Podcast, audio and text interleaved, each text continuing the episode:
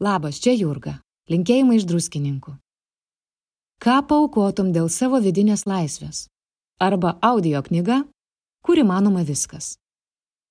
Ar nori sužinoti realų patarimą, kaip savo priešą paversti draugu? Atsakysiu audio laiško pabaigoje. O dabar kviečiu šiek tiek įjungti fantaziją. Įsivaizduok susigūžusi nuo savo nepasisekusio gyvenimo vaikiną, stovinti ant nevilties atbrailos ir ketinanti atimti savo gyvybę. O dabar įsivaizduok tą patį žmogų. Po kelių mėnesių akcininkų išrenkama įmonės, kurioje dirbo samdomų darbuotojų, generaliniu direktoriumi. Stebuklinga pelenės istorija? Ne, jei sėkmę žmogus pasiekė savo rankomis. Juk tuomet tai sėkmingai susiklostęs gyvenimas. Šiandien audiotekoje pasirodanti saviugdos specialisto Laurent Gunel audio knyga Dievas visada keliauja inkognito yra apie galimybę stebuklingai pakeisti savo gyvenimą norimą linkme. Vieno recepto bestsellerio autorius nepateikia, tačiau vertingų patarimų tikrai nešykšti. O per pagrindinio istorijos veikėjo Alano psichologinį paveikslą parodo, kaip realiame gyvenime galėtų susidėlioti sėkmingo žmogaus istorija atlikus tinkamą iš pažiūros rizikingų veiksmų grandinę ir stojus akistaton su pačiomis didžiausiamis savo baimėmis. Klausimai gidai. Noriu užduoti tau keletą klausimų, kurie yra tarsi nuorodos į šią audio knygą. Ar ištumėsi patikėti savo gyvenimą į nepažįstamo žmogaus rankas? Ar sugebėtum per tris savaitės tapti generaliniu direktoriumi įmonėje, kur tiesą sakant esi loseris?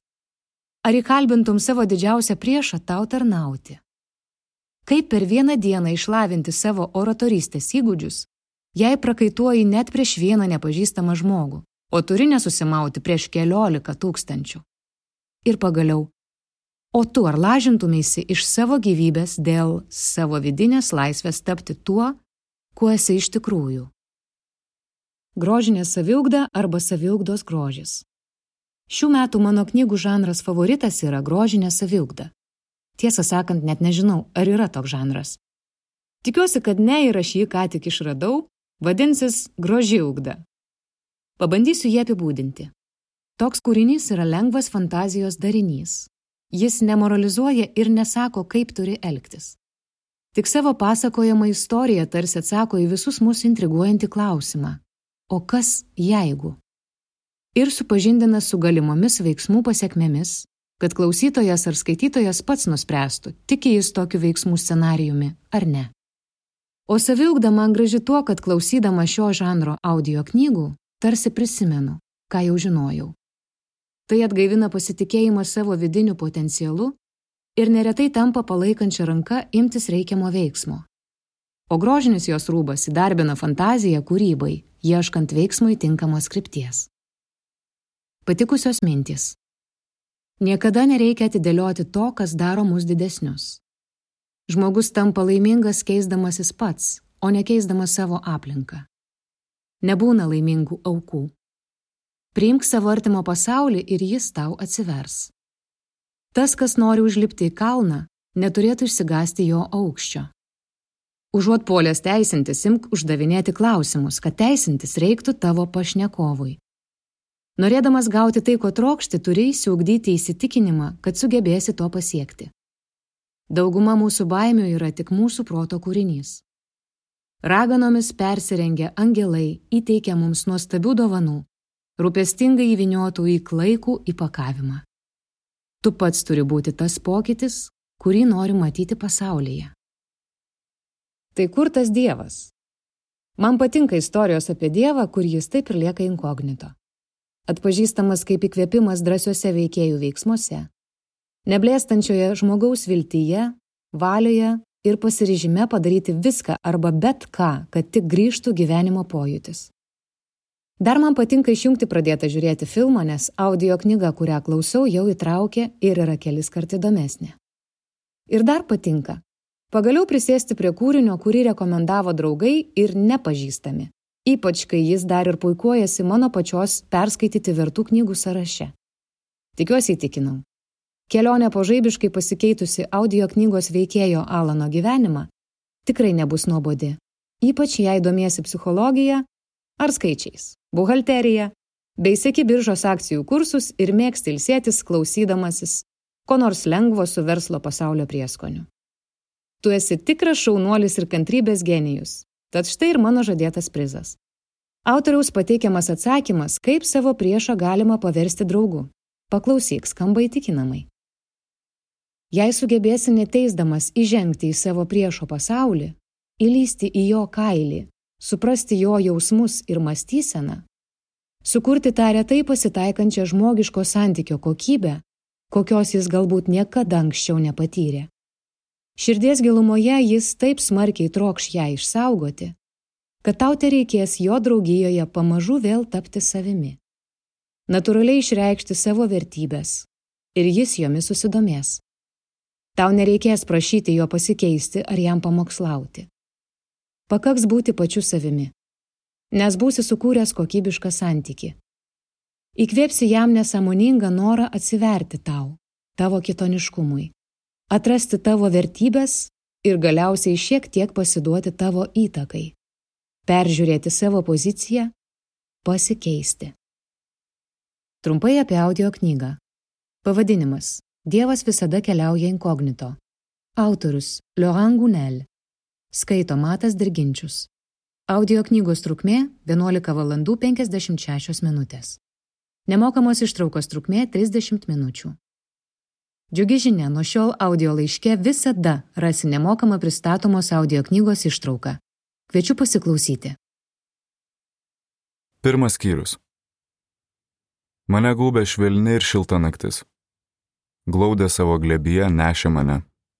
Jaučiu, kaip kūnas joje tirpsta. Jau regėjosi, kad sklendžiu oru. Dar vienas žingsnis. Aš nebijojau, nei kiek. Baimės nejutau, o prisiminiau ją tik todėl, kad taip dėl jos nerimavau, jog pastarosiomis dienomis apie tai ir te galvojau. Nenorėjau, kad baimė užplūstų ir sulaikytų mane, kad viską sugadintų. Vienas žingsnelis. Įsivaizdavau, jo girdėsiu miesto šurmulį ir dabar stebėjausi, kad taip ramu. Net netilu, o ramu. Visi mane pasiekiantis garsai buvo prislopinti, tolimi, liuliuojantis, o tolumoje regėjau miesto žiburius. Dar žingsnis. Lietai, labai lietai žengiau siaura plieninė sija, kuri dėl tokio neįprasto apšvietimo atrodė lyg iš tamsaus aukso.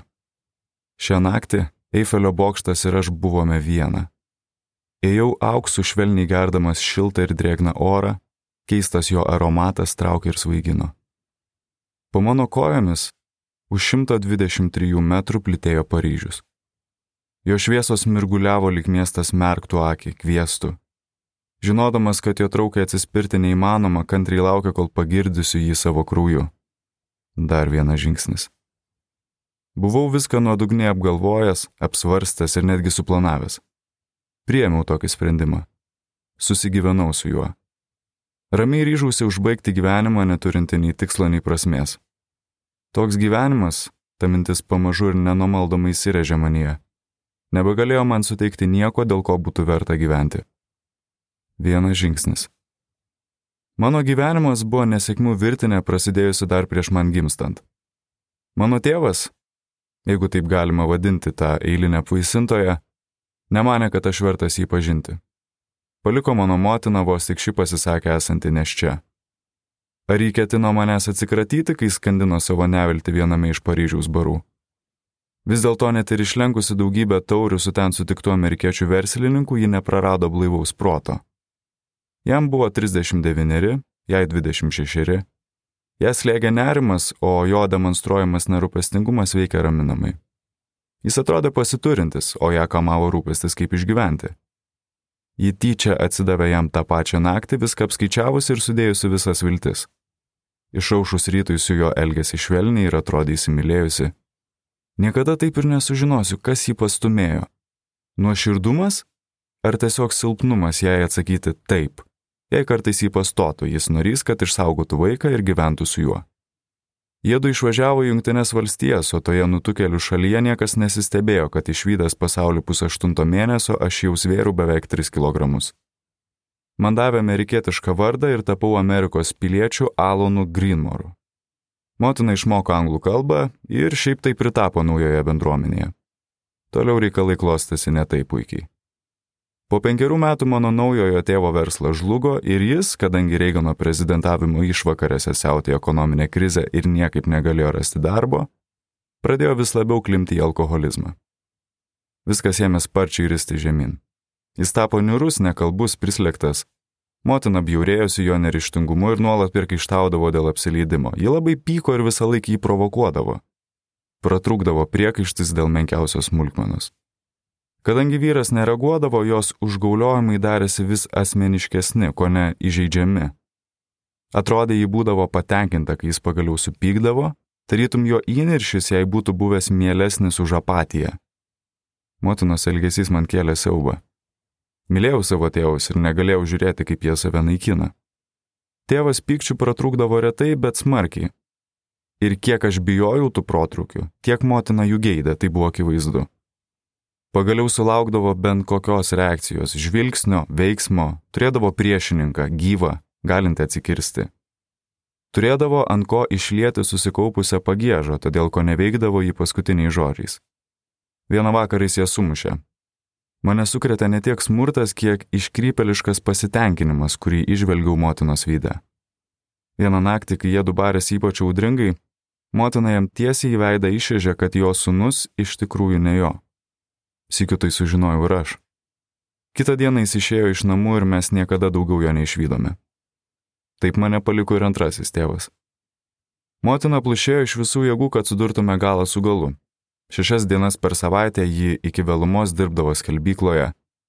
Iš ten į namus kas vakarą parneždavo chemikalų kvapą. Ta specifinį niekada nenuslopstantį kvapą.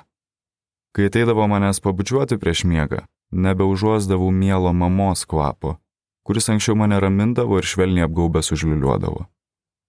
Žingsnis, paskui dar žingsnis. Vėliau įblaškėsi nuo vieno darbelio prie kito. Kiekvienas įk tikėdamasi, kad pagaliau pavyks prasimušti, pakilti bent vieną pakopą aukščiau, uždirbti daugiau. Įblaškėsi nuo vieno mylužio prie kito, tikėdamasi kurį nors sulaikyti, vėl sukurti šeimą. Kol vieną dieną matyt suvokė, kad nebeverta puoselėti vilčių dėl savo gyvenimo, ir tada susitelkė į mane aš sugebėsias pasiekti tai, kas jai nepavyko. Aš uždirbsias tiek pinigų, kad eis pasimėgausinti ir jinai. Nuo tada svarbiausia jos tikslu tapo mano išsilavinimas. Iš manęs buvo reikalaujama namo nešti tik gerus pažymius. Prie stalo visos kalbos sukosi apie koledžą, mokytojus, mano rezultatus. Motina tapo mano trenerė, o aš buvau jos auklėtinis. Su ja kalbėjausi prancūziškai, su visais kitais žmonėmis angliškai, tad nuo mažens buvau dvikalbis. Ji nuolat kartodavo, kad tai didžiulis pranašumas. Žinoma, aš tapsiu tarptautiniu verslininku arba didžiu vertėju. Kodėlgi ne baltuosiuose rūmuose? Tik skysta blauždžiai neturi ambicijų. Vieną dieną ji net įsisvajojo, kad aš būsiu užsienio reikalų ministras. Labai bijojau ją nuvilti ir mokykloje stengiausi kiek įmanydamas. Daug žadantis mano laimėjimai tik didino jos lūkesčius ir stiprino įsitikinimą, kad pasirinko teisingą strategiją. Ji patyrė tikrą smūgį, kai vieną dieną sužinojo, kad Junktinių valstijų universitetuose mokslas kainuoja. Ir labai brangiai. Pirmą kartą mačiau motiną tokią sugniuždytą. Akimirką man atrodė, kad ji pasuks tėvo pėdomis ir nugrims į apatiją. Visi jos planai žlugo. Ji tikrai pasmerkta. Bet netrukus prigimtis paėmė viršų. Ji nuėjo pas direktorių pasiryžusi įtikinti jį, jog negalima šalikelėje palikti jauno Amerikos piliečio, kurio puikūs pasiekimai rodo, kad jis sugebėtų tarnauti savo šaliai, jeigu, kaip žada universitetai, jam būtų suteiktos aukštos pareigos. Turinti būti kokia nors išeitis, juk esama stipendijų ar ko nors panašaus, į namus motina grįžo kupina ryšto. Anot jos viskas labai paprasta. Išeitis lypinti septyniose raidėse. Sportas. Jei būsi puikus sportininkas, Labai tikėtina, universitetas mane priims vien tam, kad turėtų mane savo komandoje ir tai padidintų galimybės laimėti turnyrus. Taigi buvau priverstas intensyviai sportuoti. Niekad neišdrįsau motinai prisipažinti, kad sporto visada keste nekenčiau. Į kiek įmanydama mane stūmė, ragino, drąsino ir įdėmiai sekė mano rezultatus. Atrodo, ji nenusiminė dėl to, kad liktol mano rezultatai buvo veikiau vidutiniški. Kai nori, tai ir gali dažnai kartodavo ji. Galiausiai paaiškėjo, kad mažiausiai beviltiškas esu žaisdamas beisbolą. Nuo tos dienos ėmiau gyventi vien beisbolu. Norėdama mane įkvėpti, ant mano kambario sienos jį prisegė Detroito tigrų komandos žvaigždžių plakatus. Per pusryčius gėriau iš podelio su tigrų atvaizdu. Jie buvo visur. Ant mano raktų pakabuko, marškinėlių, šlepečių, halato, rašiklių. Valgiau su tigrais, rašiau su tigrais, prausiausi su tigrais ir net mėgojau su tigrais. Iš tiesų, beisbolą kartais net sapnuodavau. Motinai pavyko užvaldyti mano smegenis, priversti galvoti apie rungtynes. Ji dirbo viršvalandžius, kad galėtų sumokėti už mano narystę artimiausiame klube, į kurį mane nedelsdama užrašė. Kasdien ten praleisdavau mažiausiai 3 valandas, savaitgaliais 5. Ir po daugelio metų man ausise tebeskamba trenerio šūksniai. Bjaurėdamasis prisimenu ir šleikštų persirengimo kambarių tvaiką po treniruočių, kaip prakaito apsipylę draugai nusirenginėdavo. Per keletą akimirkų langai prasodavo ir nebelikdavo kuo kvepuoti. Nekenčiau to sporto. Bet mylėjau mamą. Ir būčiau padaręs viską, kad tik jos nenuvilčiau. Į visą gyvenimą puoselėjo viltis ir man atrodė, kad tą dieną, kai ji nieko nebesitikės, jos gyvenimas baigsis. Ateitis parodė, kad buvau teisus. Ji mirė po keliarių metų. Kitą dieną po universiteto diplomų įteikimo. Likau vienas. Su verslo administravimo magistro diplomu, kurio netaip jau ir troškau. Studijavęs kartu su jaunuoliais, kurių ir pomėgiai ir siekiai skiriasi nuo manųjų, netgi neturėjau draugų. Man pasiūlė dirbti vienos didelės įmonės pristatymo skyriaus buhalterijos vadovo pavaduotoju. Nors alga buvo padari, darbas man greit atsibodo. Tačiau nusivylęs nesijaučiau, nes niekur nesitikėjau. Motinos gyvenimas man labai anksti parodė, kad viltis - tuščias reikalas. Dar vienas žingsnis. Po keliarių tuščios ir betikslės egzistencijos metų išvykau į Prancūziją, ko neimpulsyviai.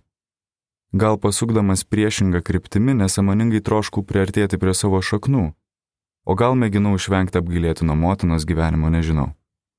Šį ar taip atsidūriau Paryžiuje ir po kiek laiko nusprendžiau ten pasilikti. Gyvenimas čia buvo gražus, bet pasilikau ne dėl to. Priežastis buvo kita, aš intuityviai miglotai jaučiau, kad į šią šalį mane atvedė likimas. Tuomet dar nežinojau, kad taip greit panorėsiu čia nai numirti. Pradėjau ieškoti darbo ir man paskyrė susitikimas su vienu iš Denkerio konsultacijų, įdarbinimo agentūros ieškančios buhalterius stambioms įmonėms vadovų. Jis man pranešė, kad darbo niekada negausiu. Nes Prancūzijos buhalterinės apskaitos taisyklės visai kitokios nei Amerikos, nei menkiausio panašumo. Verčiau jau visas studijas pradėti nuo nulio, pašmaikštavo vadovas, bet juokinga buvo tik jam pačiam. Kas kart jam su kiekvienu suvirpėdavo dvigubas pagurklis. Aš sėdėjau akmeniniu veidu. Tačiau, aiškino jis, kadangi apskritai išmanau šią sritį ir esu iš Amerikos, Mano kandidatūra pageidautina. Jų pačių agentūroje galėčiau tapti įdarbinimo konsultantu. Iš tiesų pagrindiniai jų klientai stambios amerikiečių įmonės ir jiems patiktų, kad buhalterius atrinkinėtų amerikietis. Tai neįmanoma, atsakiau aš. Įdarbinimas ne mano sritis, nič nieko apie tai neišmanau. Jis kryvai šyptelėjo.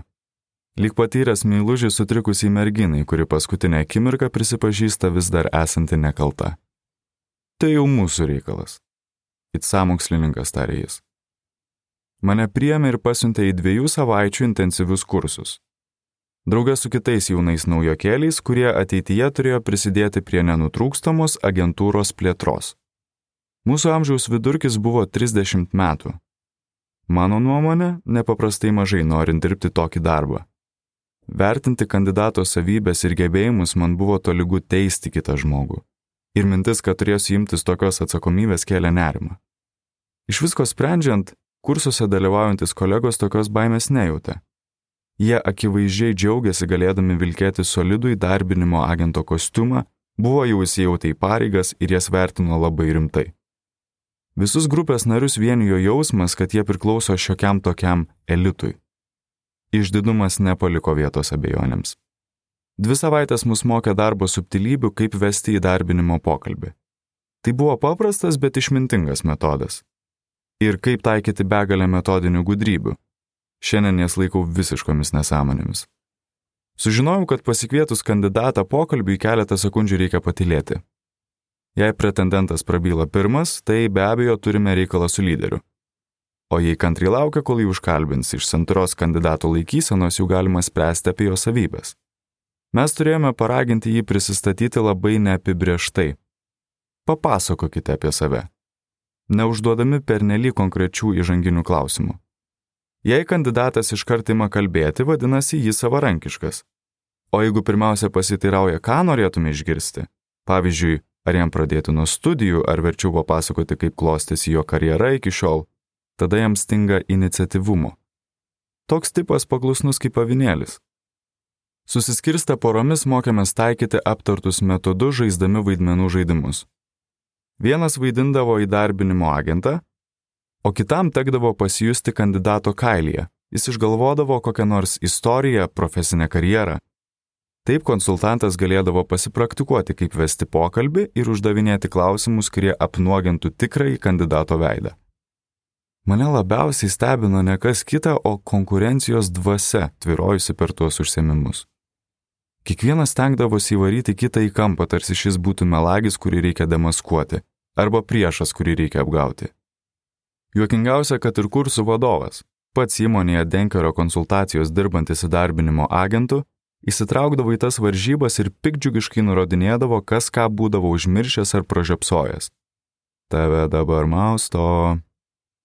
Tai buvo mėgstamiausia jo frazė, kurią pašaipiai mestelėdavo vaikštinėdamas tarp užduotę atliekančių porininkų ir stebėdamas vaidmenų žaidimus. Suprask, jis pats pasirodytų nepriekaištingai. Po dviejų savaičių mus paskelbė tinkamais tarnybai. Visą savo dieną ėmiau leisti prie rašomojo stalo, klausydamasis drovių buhalterių.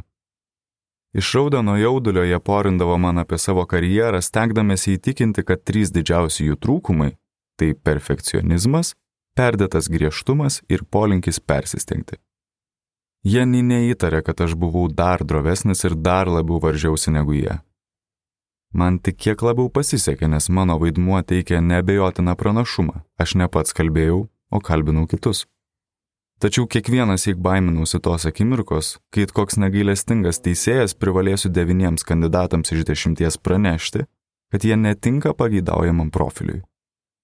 Jausdavausi taip, lyg pranešiu, kad jie nuteisti katorgai. Mano graužatį sustiprindavo jų graužatį, šimanąją ir taip sukosi užburtas ratas. Dusau nuo to vaidmens. O ir atmosfera agentūroje toli gražu nebuvo draugiška. Afišuojamos žmogiškosios vertybės tai buvo fasadas. Kasdienė tikrovė buvo atšiūri, šalta, persmelta konkurencijos. Kurį laiką ištverti tokioje aplinkoje man padėjo Odrė. Susipažinau su ją vieną sekmadienio popietę arbatinėje Mariage Frère, įsikūrusioje didžiųjų Augustinijonų gatvėje. Tai reikėdavo įžengti į tą laikui nepavaldžią vietą ir mane užplūsdavo ramybė. Vos pravėręs duris ir žengęs pirmą žingsnį senu girgždančio žoliniu parketu pasinerdavai į rafinuotą Prancūzijos kolonijinės imperijos arbatinės atmosferą. Jau prie įėjimo pasijūsdavai užburtą sumišusių aromatų, kuriuos kleidė šimtai arbatos rūšių, rūpestingai saugomų milžiniškuose senoviniuose induose. Jų įkvėpęs akimirksniu persikeldavai į XIX amžiaus tolimuosius rytus ir imdavai mintimis po jos klaidžioti. Tik užmerkia akis ir jau įsivaizduoji, kaip į tristiebį laivą krauni senas medinės dėžes pilnas brangiųjų lapelių, o paskui ilgus mėnesius plauki jūromis ir vandenynais. Kai kreipdamasis į vaikiną už seno prekystolio paprašiau 100 gramų 2009 sakuros, išnipštelėjo man jausi, kad imperatoriškai sakura subtilesnio skonio. Atsigrėžiau nustebęs, kad nepažįstama mergina kalbina mane mieste, kur kiekvienas gyvena savo pasaulėlyje ir į kitus nekreipia nei menkiausio dėmesio. Ji tarė, jūs manim netikit? Einam duosiu paragaut. Paėmė mane už rankos ir nardydama tarp klientų ir tolimų šalių arbatinukų kolekcijų per salę patraukė prie laiptelių vedančių į degustavimo saloną. Aplinka buvo intimi ir elegantiška. Padavėjai natūralaus lino kostiumais tyliai vaikščiojo tarp staliukų nutaisę ceremoningas išaiškas. Aš su savo kasdieniais drabužiais čia jaučiausi lyg koks anachronizmas. Atsisėdome kampe, prie staliuko užtiesto baltą staltėse, su sidabriniais stalo įrankiais bei porceliano podeliais pažymėtais garsiosios arbatinės ženklų. Odri užsakė arbatos dviem, karštų sklindžių ir saulės smūgį. Firminį piragaitį, kurio anot jos aš būtinai turys paragauti. Man iškart patiko su ją kalbėtis. Mergina mokėsi nacionalinėje dailės mokykloje, gyveno šiame kvartale palėpės kambarėlėje. Pamatysi ten labai jauku. Tarė ji duodama suprasti, kad mūsų susitikimas nesibaigs ant Mariage Frère slengščio. Jos kambarys iš ties buvo puikus.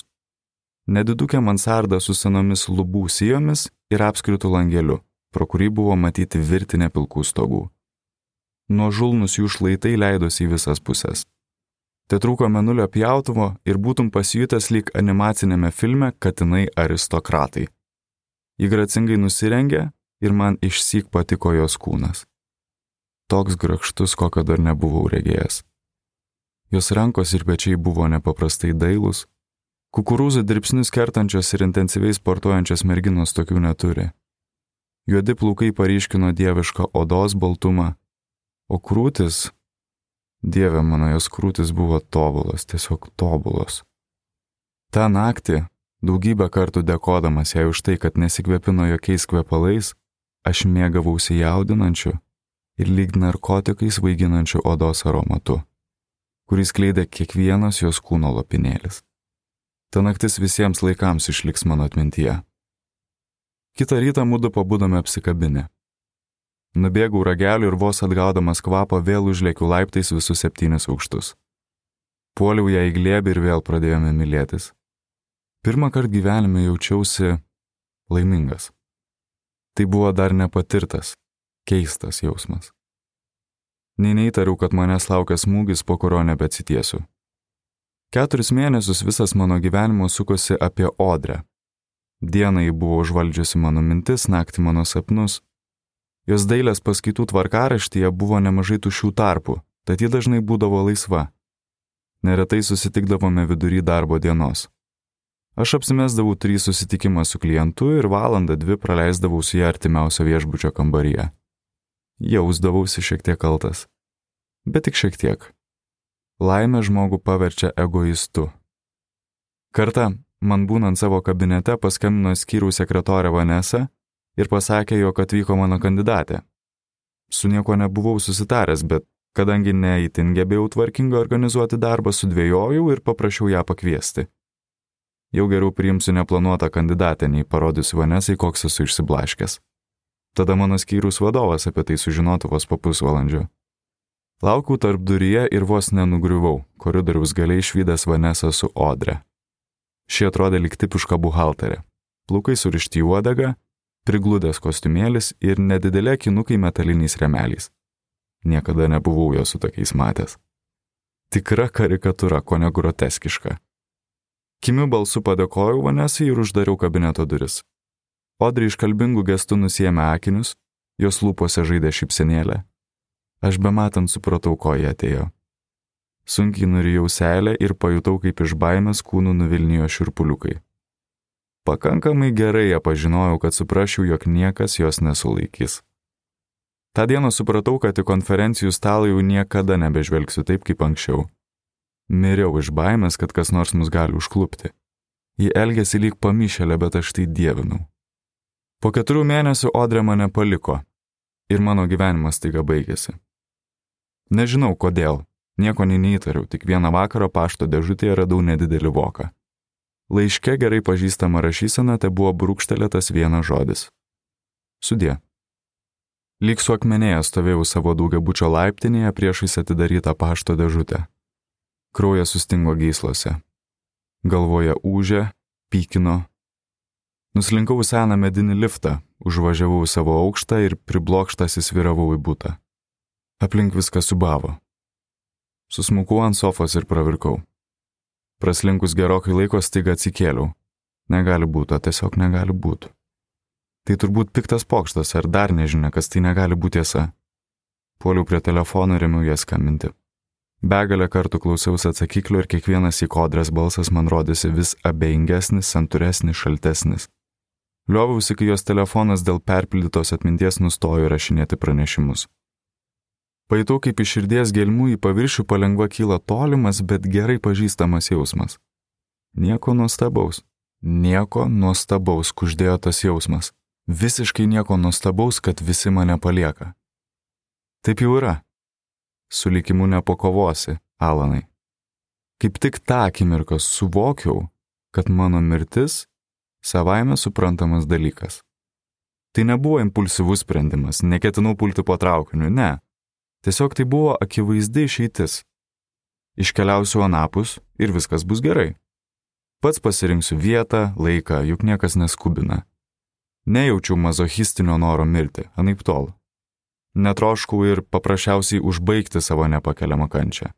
Anapusybė švelniai, nepermaldaujamai traukė ir mane apimė keista nuojauta, kad mano vieta kaip tik ten, kad tai ten išsiskleis mano siela. Gyvenimas žemėje neturi jokios prasmės. Pretenzingai jį kabinausi, bandžiau gyventi lik niekur nieko ir štai gyvenimas mano atsintė odrę, kad patirčiau nepakeliamą skausmą ir pagaliau ryšiausi pažvelgti savo likimui tiesiai į akis. Vietą pašnipždėjo mano paties atmintis. Be abejo, neatsitiktinai išsaugojo ją vienoje iš savo paslaptingų kertelių.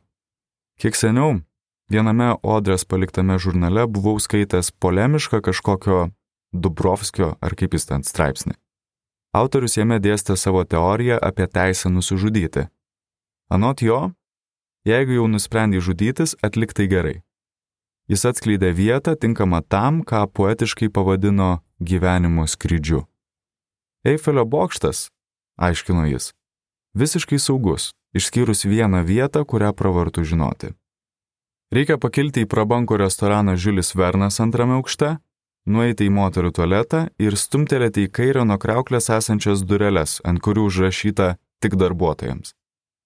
Pateksite į mažą kambarėlį, kuriame laikomi grindų šepečiai langas be grotų ir pro jį patenkama tiesiai ant bokšto sijų. Šios detalės buvo gyvos mano atmintyje, lik būčiau straipsnį perskaitęs šyrit. Mirtis nušokus nuo Eifelio bokšto kažkuo didinga. Revanšas už pilką gyvenimą. Dar vienas žingsnis. Turėjau eiti tol, kol pasieksiu tinkamą vietą, kur apačioje plytinčios erdvės neužtos jokia metalinė konstrukcija. Neturėjau nieko. Nei draugo, nei tėvo ar motinos, jokio mėgstamo dalyko, dėl kurio galėčiau pasigailėti savo žingsnio. Buvau pasirengęs. Ir mintimis, ir kūnu. Paskutinis žingsnis. Na štai. Tinkama vieta. Sustingau. Oras, kurį traukiau į save, man atrodė gardus nelyginant dieviškasis nektaras. Buvau vienui vienas pats su savimi ir mano sąmonė jau pamažu pradėjo nuo manęs atsiskirti. Giliai įkvėpiau ir lietai pasukau pėdas į dešinę, prarajos link. Į ją nežiūrėjau, bet jaučiau jos buvimą ir grožį. Stovėjau ties restorano Žiulis Vernas darbuotojams skirto lifto skridiniu. Jis sustingęs juodavo tiesiai priešais mane. Muskyrė trys metrai nebūties. Iš savo vietos mačiau tik rantuotą jo breuną, per kurią ėjo lynas mingantis į tuštumą. Tuštuma. Restoranas buvo kitoje pusėje. Niekas negalėjo manęs pamatyti, negirdėjau jokio garso iš salės, tik slopus nakties tylos gaudesys. Ir tie tolumoje blikčiuojantis, kviečiantis, hipnotizuojantis žiburiai. Ir tas šiltas vaiginamas oras, nardinantis mane į pasakišką palaimą. Beveik visos mintis išgaravo. Jau buvau lyg ir atsiskyręs nuo kūno, buvau nebe aš. Tirpau erdvėje, gyvenime, mirtyje. Nebeegzistavau kaip atskiras asmuo, aš buvau pats gyvenimas. Aš kostelėjimas. Mano būsena akimirksniu pakito. Panašiai kaip hipnotizuotojais praktelius pirštais pacientas pabunda iš transo. Dešinėje ant sijos galo stovėjo vyriškis ir žiūrėjo tiesiai man į akis. Maždaug 60 metų žilstelės, tamsių kostiumų. Jo akis, ant kurių krito bokšto šviesos atspindžiai, rodės žvelgia iš nebūties. Visą gyvenimą prisiminsiu tą plieninį žvilgsnį, nuo kurio kraujas stingo gyslose. Jaučiau pyktį sumišusi su nuostaba. Ėmiausi visų atsargumo priemonių, kad tik kas nors manęs nepamatytų. Buvau įsitikinęs, kad niekas neseka. Jaučiausi lik atsidūręs prastame filme, kur reikiamą akimirką stebuklingai pasirodo gelbėtojas ir užkerta kelią savižudybei. Aš sudirbau savo gyvenimą. Jį valdė kiti. Bet mano mirtis priklauso man, tik man. Nebuvo nei kalbos, kad lešiu kam nors bandyti mane sulaikyti, užliuliuoti, tikinant, kad gyvenimas vis dėlto gražus, ar kad kiti dar nelaimingesni už mane, ar kaip nors panašiai. Šiaip ar taip niekas negalėjo mane suprasti, o aš beje niekur neprašiau. Labiau už viską pasaulyje norėjau būti vienas, vienut vienas. Palikit mane. Aš laisvas žmogus, darau, ką noriu, eikit šalin. Jis tylėdamas pažvelgė į mane ir man bematant dingtelėjo, kad kažkas čia ne taip. Jis atrodė atsipalaidavęs. Taip, tikrai, atsipalaidavęs. Vyriškis ramiai įsikando cigarą. Pirmin. Šok. Nuo jo žodžių sustingau kaip įbestas. Tikėjausi visko, bet tik ne šito. Kas jis per tipas? Iškrypelis? Noriu pasižiūrėti, kaip krintu ir pasitenkinti pogalais. Kodėl tai turėjo atsitikti kaip tik man, negali būti. Kogi aš nusikaltau gerajam dievui velniai rautų. Drebėjau iš pykčio, buvau beprotiškai įsutęs, sunkiai valdomas įniršys degino veidą. Negalėjau patikėti tuo, kas vyksta, to negali būti, negali būti, negali. Kogi lauki? Būginamai ramiu tonu tarė jis. Šok. Tai buvo ištrauka iš Laurent Gunel audio knygos Dievas visada keliauja inkognito. Nuorodą į pilną audio knygą rasi šio audio laiško apraše arba įsidėk audioteka programėlę ir audio knygos patogiai klausyk per ją. Būdinančių atradimų linkėdama, atsisveikinu iki kito audio laiško. Jurga.